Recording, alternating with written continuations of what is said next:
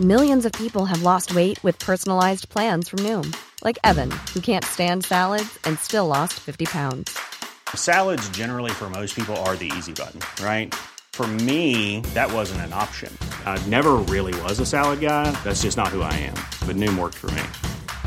Get your personalized plan today at Noom.com. Real Noom user compensated to provide their story. In four weeks, the typical Noom user can expect to lose one to two pounds per week. Individual results may vary. Hey, Dave. Yeah, Randy. Since we founded Bombus, we've always said our socks, underwear, and t shirts are super soft. Any new ideas? Maybe sublimely soft. Or disgustingly cozy? Wait, what? I got it. Bombus. Absurdly comfortable essentials for yourself and for those facing homelessness. Because one purchased equals one donated. Wow, did we just write an ad? Yes. Bombas. Big comfort for everyone. Go to bombas.com slash ACAST and use code ACAST for 20% off your first purchase. Hi, this is Brooke Devard from Naked Beauty. Are you tired of feeling housebound? I sure am. Break free with the new Unbound cordless auto curler from Conair. It's a high performance auto curler that's rechargeable and gives you up to 60 minutes of cord free runtime. Just think of all of the incredible hair looks you can create in 60 minutes unbound away from your wall. Don't get tied down by cords. Love your look, live unbound. Check it out at conair.com and search Unbound.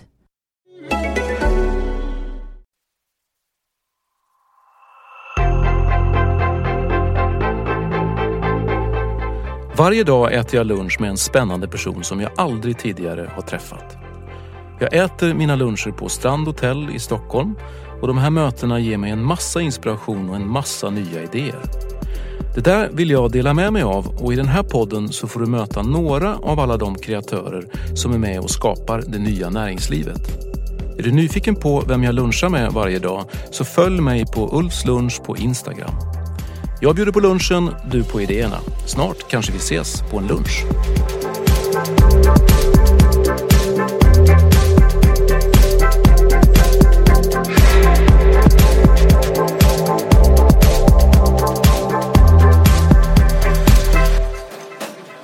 Jag kan ju tycka att vi lever i en rätt förvirrande tid. Vi har en, eh, en gammal struktur med industrier, utbildning, hierarkier. Samtidigt så är vi på väg in i en eh, i ett helt nytt samhälle med digitaliseringen, större fokus på värderingsfrågor. Um, vad, vad tycker du om den här förvirringen? Ja, eh, jag tror ju verkligen att vi lever i en brytningstid just nu. Där vi ser ett gammalt perspektiv eh, som har varit väldigt framgångsrikt, inte minst för Sverige, svensk industri, svenskt företagande, det svenska samhället som eh, har hjälpt oss under flera hundra år att bygga den här världen som vi lever i idag. Men där just samma perspektiv att se på världen kanske har eh, förlorat lite grann av sin kraft och en del säger till och med att det är det gamla sättet att se på världen som nu ställer till de flesta utav våra problem som eh, miljöförstöringen eller psykisk ohälsa. Mm. Så jag tror verkligen att vi är i ett uh, mindshift just nu. I alla fall att vi har ett behov utav ett stort mindshift. Inte minst som sagt var för miljön. Så vad är det som, om man ska försöka beskriva det, om du ska försöka beskriva vad det är som håller på att hända och var består det här paradigmskiftet och hur ska man, hur, hur ska man försöka, hur, hur beskriver man det? Ja, det enklaste sättet då att, att se på det kanske det som vi alla känner att uh, den tekniska utvecklingen nu bara går uh, fortare och fortare. Mm. Det, det, är klart att vi har ju um, i mänsklighetens historia alltid. För det säger man ju ofta så här, ja. det har väl aldrig hänt så mycket som det händer nu. Ja. Nej, men till, och, och, till viss del är ju det sant. Mm. Till viss del är det ju sant. För ritar, ritar man upp uh, grafen över teknologiutvecklingen så visst hände det väldigt mycket med till exempel den industriella revolutionen på 1800-talet och början på 1900-talet. När vi fick uh, elektricitet och vi fick radio och uh, vi byggde ut Eh, vägnätet. Men man, kan lite grann säga att de tidigare stora tekniksprången i mänsklighetens historia har egentligen skett eh, mellan generationer. Mm. På det sättet att eh, du har alltid nästan kunnat vara kvar i din gamla värld, i ditt gamla jobb. Eh, och sen så är det dina barn och dina barnbarn som har fått utbilda sig till andra yrken och ta andra roller i, i, i samhället. Eh, medan nu så går det ju så otroligt snabbt. Det är ju bara att titta i våran livstid eller titta på de senaste 10-20 åren. Så nu sker det ju så stora teknikskiften, kanske till och med vart 10 år eller ibland ännu snabbare. Att vi går ifrån en värld där de stora teknikskiftena har skett mellan generationer till en värld där vi får lära oss som individer att leva i ett konstant förändring. För förr kunde man komma undan lite grann genom att säga precis som du sa att det där får mina barn ta hand om eller det får nästa generation ta hand om. Ja, och, och, och, jag kunde kanske då vara kvar som eh, rallare. Ja. Även om man byggde motorvägar me- mera. Och man kunde vara kvar i gruvindustrin och det skedde naturlig avgång. Och man nyanställde inte så mycket men eh, det fanns ingen eh, anledning. Yrken försvann inte bara precis totalt. Som, som det ju händer nu och eh, som ju kommer att hända allt mer fram, framöver. Alla har väl på något sätt insett att yrken som taxichaufför eller som lastbilschaufför inte kommer att finnas kvar om tio år. Så det är, ju, det är ju inte någon karriär man kanske skulle satsa på. Men vad inte lika många eh, inser det är hur det här kommer att drabba en väldigt stor del utav eh, våra bra jobb idag. Så, så- som exempel så är det många som säger att ja, men i, idag om du ska satsa på en utbildning eller din, se till att dina barn lär sig att programmera. Programmera är bra. Men eh, när jag pratar med de stora svenska teknikbolagen som kanske då har hundratals programmerare anställda och som kommer nu i år att anställa 50 till. Så säger de ja, vi har jättebehov nu. Men om fem år kommer vi inte anställa några fler programmerare. För att, att programmera, det är verkligen bara att följa en algoritm. Och det är vad artificiell intelligens är superbra på. Det. det är nästan enklare att få en dator att skriva bra dataprogram än att få en dator att köra en bil. Så det är bara år bort innan eh, de traditionella programmeringsyrkena kommer att försvinna. Och det är klart att då krävs det ju fortfarande att vi har några väldigt smarta, kreativa och intelligenta systemerare. Men det kanske är tre stycken som Spotify behöver. Men hur ska man, hur ska man förhålla, hur ska jag då till exempel förhålla mig till de här, om vi nu och vi kommer ju tillbaka till det med de här förändringarna som sker. Men om det nu sker väldigt stora förändringar, hur, vilket, och du pratar om mindset, hur ska jag förhålla mig till de här förändringarna? Ehm, Om, om vi börjar där på individnivå så kan man väl säga då att eh, om jag skulle rekommendera någon när det gäller vad man ska lära sig så är det väldigt många som idag börjar prata om transferable skills. Vi- Vilket är förmågor som går att överföra på många olika eh, situationer och, och sammanhang. Och det skulle kunna vara sådana saker som till exempel att eh, lära sig att lära, studieteknik, det skulle kunna vara presentationsteknik eller time management och sådana här saker. Så de, sådana förmågor brukar man kalla för transferable skills. Men sen så finns det en särskilt intressant grupp utav den här typen utav skills som vi lite skäm, skämtsamt inom stiftelsen Ekskäret eh, brukar kalla för superskills. Eller superskills for the 21st century. Superkrafter på Su- svenska kanske? superkrafter, superförmågor. Ja. Ehm, och och vad, är, vad är det då vi menar? Jo, då menar vi sådana saker som till exempel eh, en ökad förmåga till medkänsla eller empati. Det blir allt mer och mer betydelsefullt.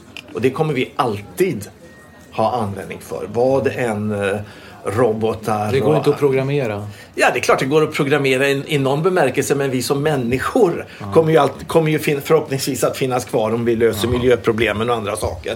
Och i en allt krympande värld Och i allt mera komplexa organisationer så måste vi öka vår förmåga till medkänsla och empati. Mm. Men också i en sån här snabbt föränderlig värld så krävs det mer utav öppenhet. Att inte vara låst i vårt mindset utan verkligen kunna ta in det nya som händer. Inte bara teknologiskt nytt utan allt nytt som händer i samhället och mm. i kulturen. Sen en tredje sån här superskill brukar vi prata om perspektivtagande eller att söka nya perspektiv eller vinklar. Att förstå andras perspektiv mm. och för mig att söka nya perspektiv. Det är också någonting som eh, är, är väldigt värdefullt. Eh, du nämnde förut eh, värderingar och vara värderingsstyrd. Mm. Man skulle kunna prata om ett självledarskap. I den gamla världen så gick det väldigt mycket enklare att bara följa regler. Mm. Både i företag och organisationer men också i det egna livet. Men i en allt mer komplex och snabbföränderlig värld så eh, måste vi kanske skriva om regelboken varje vecka och då är det enklare att på något sätt vara värderingsstyrd mm. Och känna sina värderingar och veta var de kommer ifrån och rätt ut om det är mina egna värderingar jag lever eller om det är någon annans värderingar. Mm. Det är mina föräldrars värderingar eller om det är eh, marknadsförarnas värderingar mm. eller vems värderingar jag lever och hitta fram till den egna inre kompassen och hitta någon form av grund inom mig. Mm. Och sen till, till slut om vi ska hitta på lite godtyckligt fem sådana här eh, super skills så skulle jag nämna som den femte. Det är en förmåga till eh, meningsskapande. Eller på engelska kanske lite bättre sense making. Mm att to make sense mm. i en allt mer föränderlig värld. Och klarar vi inte av det, att se någon form av mönster och sammanhang och mening i, i världen så har vi väldigt svårt att både navigera bara i vardagen. Mm. If we can't make sense of the world, så att säga, så har vi svårt att navigera i, i vardagen eller jobbet eller leda ett företag eller eller någonting. Men det är klart att det kan också leda till det här lite meningsskapandet i en större existentiell perspektiv. Att um, kan vi inte se någon större mening i tillvaron heller så blir det lätt att vi hamnar i någon form av existentiellt vakuum och det leder till ångest och depression och psykisk ohälsa som vi ju bara ser mer och mer ut mm. av i samhället tyvärr. Mm. Så att där har du lite grann vad jag skulle säga att, att rådet till dig som individ för att möta det här snabbt föränderliga samhället det är inte att lära dig specialkunskaper eh, utan det är definitivt att lära dig sådana här mera generella kunskaper som vi som människor alltid kommer att ha mm. användning för. Jag ska bara säga parentetiskt också där att två andra vi pratar här om, om bilförare såklart, vi, vi pratade om programmerare men det här är ju någonting som slår igenom generellt. Min gamla bransch, finansbranschen, bankbranschen. Eh, jag är övertygad om att om, om tio år så kommer storbankerna här i Sverige att bara eh, ha en bråkdel anställda av vad man har idag någonstans från 5 till 10 år så kommer algoritmerna att slå igenom där också. Mm. Därför väldigt mycket av vad vi gör i bank och finansvärlden det är att, att följa algoritmer. Mm. Inte bara på backoffice utan även i kundrådgivning, front office, trading. Väldigt, väldigt många aspekter. Och då kan faktiskt i en del fall algoritmer göra saker bättre än mm. människor. Och om det här drabbar banken så drabbar det försäkringsbolagen och det drabbar Försäkringskassan och de statliga myndigheterna. Så jag tror verkligen att vi, vi, vi kommer att se gigantiska förändringar här och vi är inte riktigt beredda på det här. Nej, jag förstår, men få inte panik nu för att de här, de här, de här fem eh, superegenskaperna eller fem superkrafterna eh, min tanke är att vi ska, jag tänker återkomma till de här i kommande poddar där vi liksom i podd för podd ska ta en av de här superkrafterna i varje podd och gå lite mer på djupet för vi hinner inte göra det här liksom, kring respektive superkraft. Så att vi kommer komma tillbaka till det. Men jag tänker Thomas, jag är, vad, vad är det som gör att du har engagerat dig så mycket i de här frågorna? För du, är ju, du har ju som du var inne på, du har en bakgrund inom bank, finans, du är entreprenör. Eh, vad gör du för någonting nu för tiden? Eh, nu skulle jag beskriva mig som eh, samhällsentreprenör. Mm. Eller kanske ibland författare. Jag har kommit ut med eh, tre stycken böcker och jag kan ju, kan ju nämna dem. Ja, det, det. Det, är, min första bok heter The Market Myth ja. som lite grann han, handlar om marknaden och marknadens styrkor och svagheter. Ja. Och vad som kommer hända med marknaden i framtiden. Sen kom jag ut med en bok på svenska som heter Världen vi skapar. Mm. Med just betoningen på att eh, det är vi som är medskapare i den här världen. Mm. Och ju snabbare samhällsutvecklingen går desto viktigare är det att vi inser att vi har både ett ansvar men också stora möjligheter att vara medskapare i den här processen. Mm. Och sen precis nyligen så kom jag tillsammans med den danska filosofen Lena Andersen ut med en bok som heter The Nordic Secret. Mm. Där vi just tittar på hur det gick till för, förra gången som vi i Skandinavien var inne i en kanske nästan lika dramatisk eh, teknologisk samhällsomvandling senaste gången. Ja. Och det var när vi gick i eh, slutet på 1800-talet ifrån att i Sverige vara ett av Europas absolut fattigaste länder.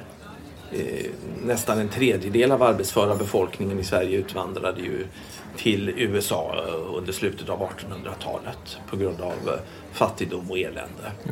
Men att eh, för att sen då gå ifrån det här då fattiga icke-demokratiska jordbrukssamhället till att ett par generationer, 70 år senare, har kommit upp i toppen i Europa eh, utav eh, demokratiska, rika industriländer. Mm.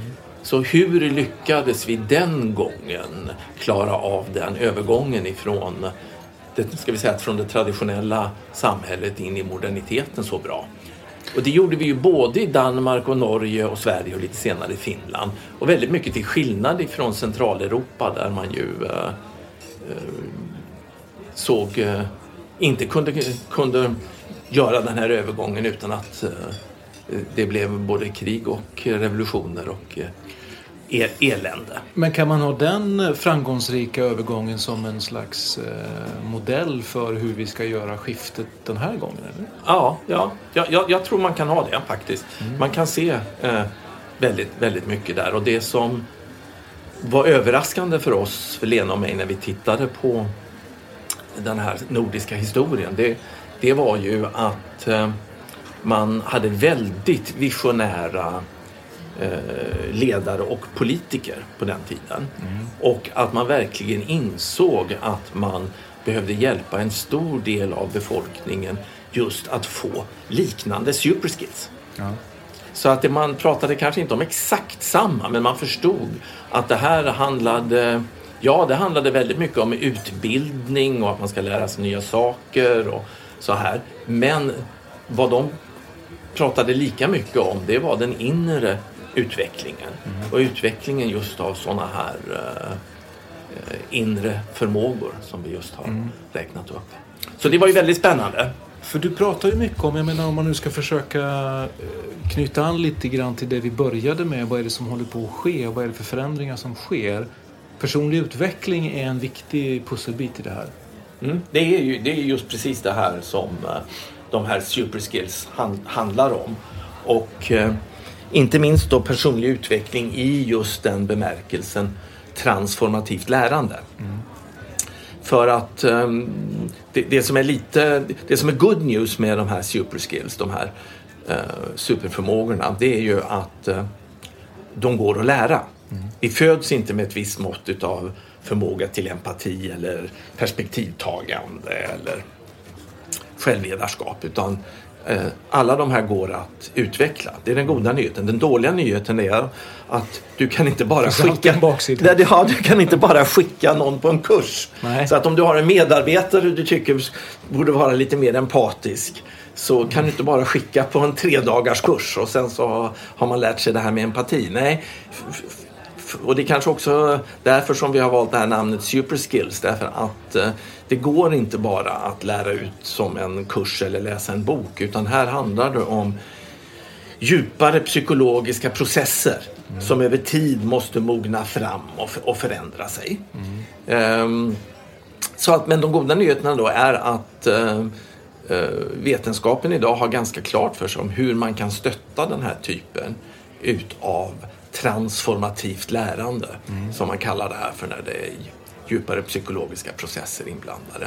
Och det är väl det då som vi på Stiftelsen Ekskäret och som jag har ägnat mig åt de senaste tio åren efter att jag lämnade mm, finansbranschen och fastighetsbranschen att titta just på hur kan vi stötta den här typen av transformativt lärande, personlig utveckling. Just därför att jag tror att det är det vi behöver i den samhällsutveckling vi genomgår just nu. Ja, och det där tycker jag är spännande för att eh, det, ni har ju lite olika testbäddar kan man nästan kalla det för. Ja, där det ni gör säga. olika Ja. typer av verksamheter. Ja, ja. Jag har ju själv varit testbäddad i ert eh, co-living-ställe.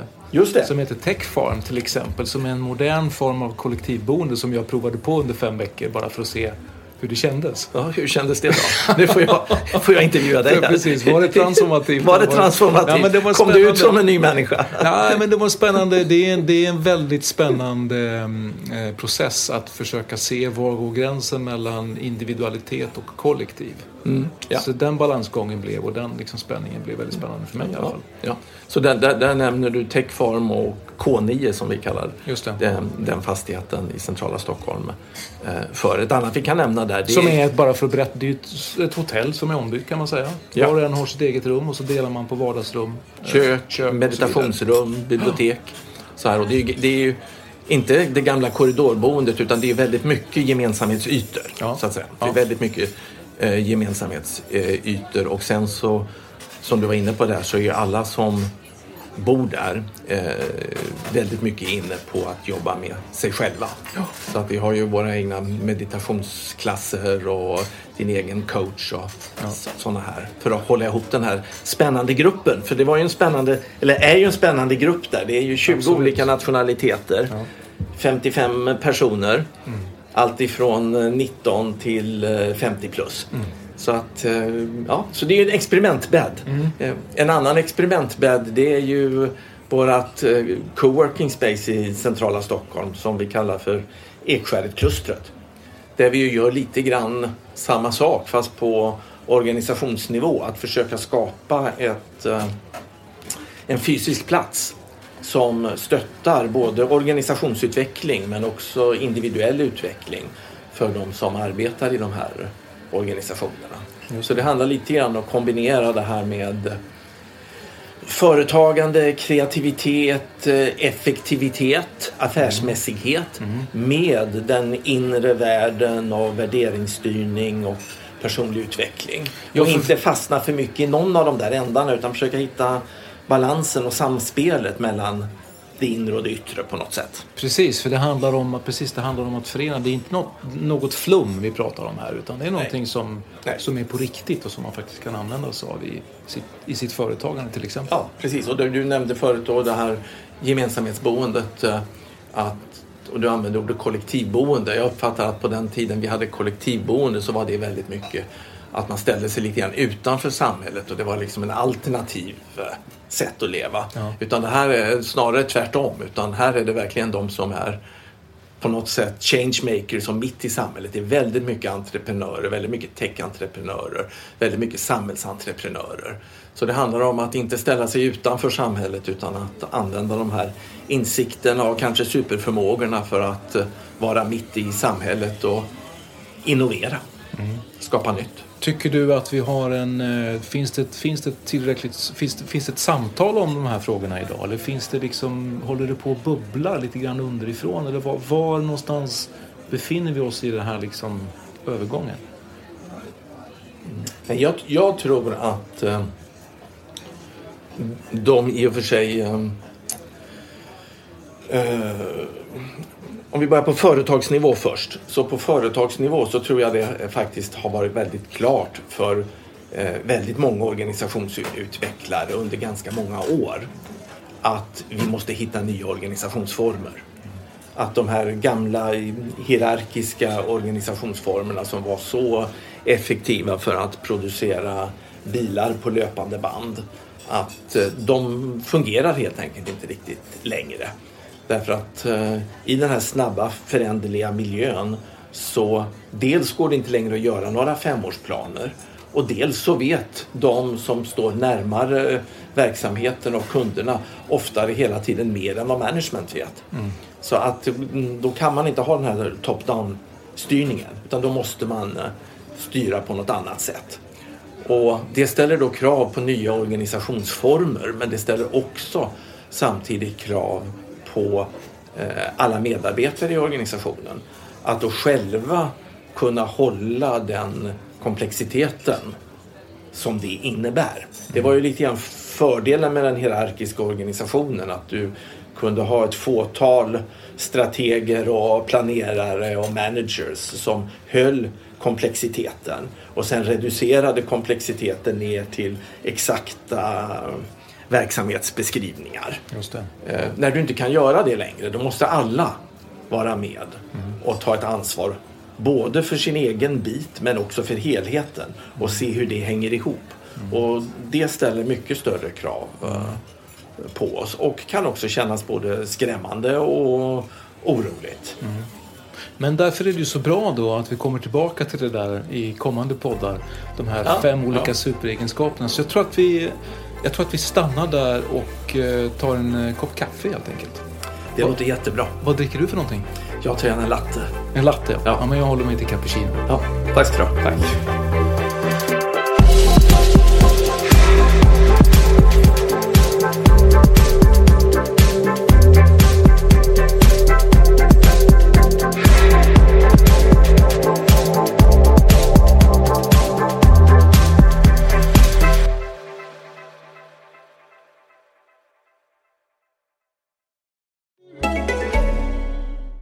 This is ACAST Recommends. Every week we pick one of our favorite shows, and this is one we think you're gonna love. Hey, lady, it's Terry here. And Dr. Dom, and we're the hosts of the Her Space podcast. In a world where Black women are often underrepresented and misunderstood, we need more safe spaces to just be. Every Friday, join us as we initiate authentic conversations for Black women. Be sure to tune into Season 4, Episode 11 The Four Levels of Friendship and How to Spot Fake Friends. And check out Her Space wherever you listen to podcasts. ACAST is home to the biggest podcasts from the U.S. and around the world. Subscribe to this show and hundreds more now via ACAST or wherever you get your podcasts. Planning for your next trip? Elevate your travel style with Quince. Quince has all the jet setting essentials you'll want for your next getaway, like European linen, premium luggage options, buttery soft Italian leather bags, and so much more. And it's all priced at 50 to 80% less than similar brands. Plus, Quince only works with factories that use safe and ethical manufacturing practices. Pack your bags with high-quality essentials you'll be wearing for vacations to come with Quince. Go to quince.com slash trip for free shipping and 365-day returns. Mom deserves the best, and there's no better place to shop for Mother's Day than Whole Foods Market. They're your destination for unbeatable savings, from premium gifts to show-stopping flowers and irresistible desserts. Start by saving 33% with Prime on all body care and candles. Then get a 15-stem bunch of tulips for just $9.99 each with Prime. Round out Mom's menu with festive rosé, irresistible berry chantilly cake, and more special treats. Come celebrate Mother's Day at Whole Foods Market.